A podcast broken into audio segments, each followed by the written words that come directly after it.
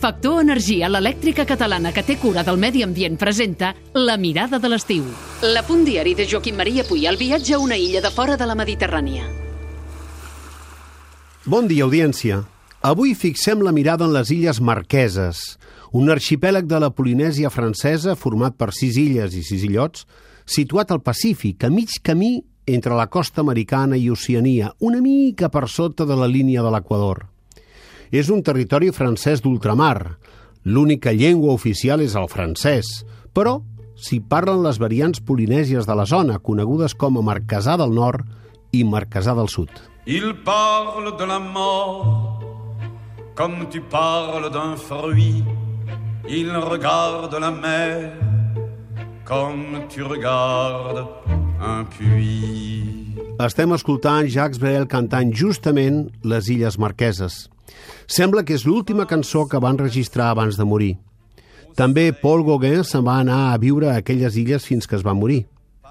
A paper té una de les poques coses agradables que s'hi pot fer és anar a veure el museu que li han dedicat al Jardí Botànic de Papeari. En dono fe. Un estiu, a començament de segle, vaig destinar 10 dies de la meva vida a visitar les Illes Marqueses. Una part d'aquest temps la vaig passar embarcat en un vell vaixell mix de càrrega i passatge anomenat Aranui, ja desballestat, que feia un trajecte que et permetia visitar aquelles illes i descobrir la gent que hi viu i que viatja de l'una a l'altra. Aquells deu dies van ser dels més ben aprofitats de la meva vida.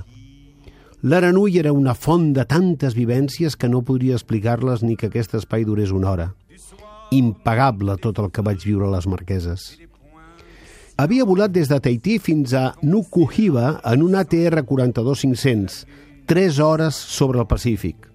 Tot just arribar-hi ja em vaig adonar que aquelles illes són molt més autèntiques que aquelles altres de la Polinèsia que han col·locat en la diana del turisme.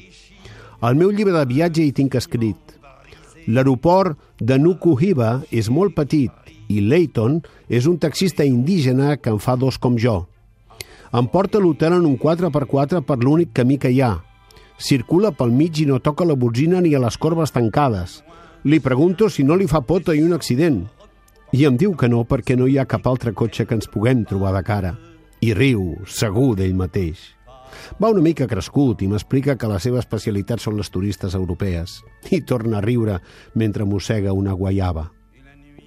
A l'hotel només som tres clients i els cambrers d'entrada no sé si són homes o dones. Des de l'habitació tinc una panoràmica excepcional. L'abadia de Teiohi. Algun valer de luxe hi fa nit. Un natiu anomenat So, però que es fa dir Jean-Pierre, em porta a la selva i a un poblat anomenat Hakapaa.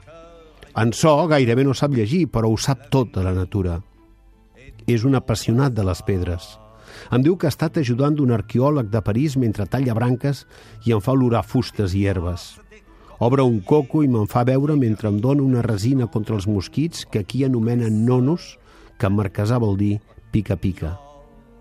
Pregunto per la llengua marquesana i un home que es fa dir Rocky m'explica que fins als anys 60, si a l'escola els sentien parlar en llengua polinèsia, els feien copiar 100, 200 o 1.000 vegades «Je ne parlerai marquisien à l'école».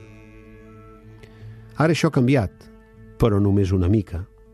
Mentre aquí fa un sol que estavella, em sorprèn veure a la televisió que els informatius diuen que avui està plovent. Fenòmens de caràcter imperial. Aquí, la informació meteorològica no és la d'aquí, és la de París. Jo no faria com Gauguin d'anar a viure a les Marqueses fins que em morís, però de tornar-hi per passar-m'hi 15 dies, me'n moro de ganes. Aux marquises.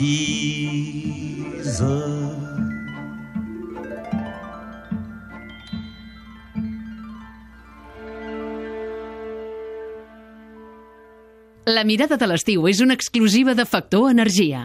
En Manu, el Minimans, Manis pels amics, no, ha contractat la llum a Factor Energia i no, s'estalvia en 12,5%. Manu, contracteu tots la llum.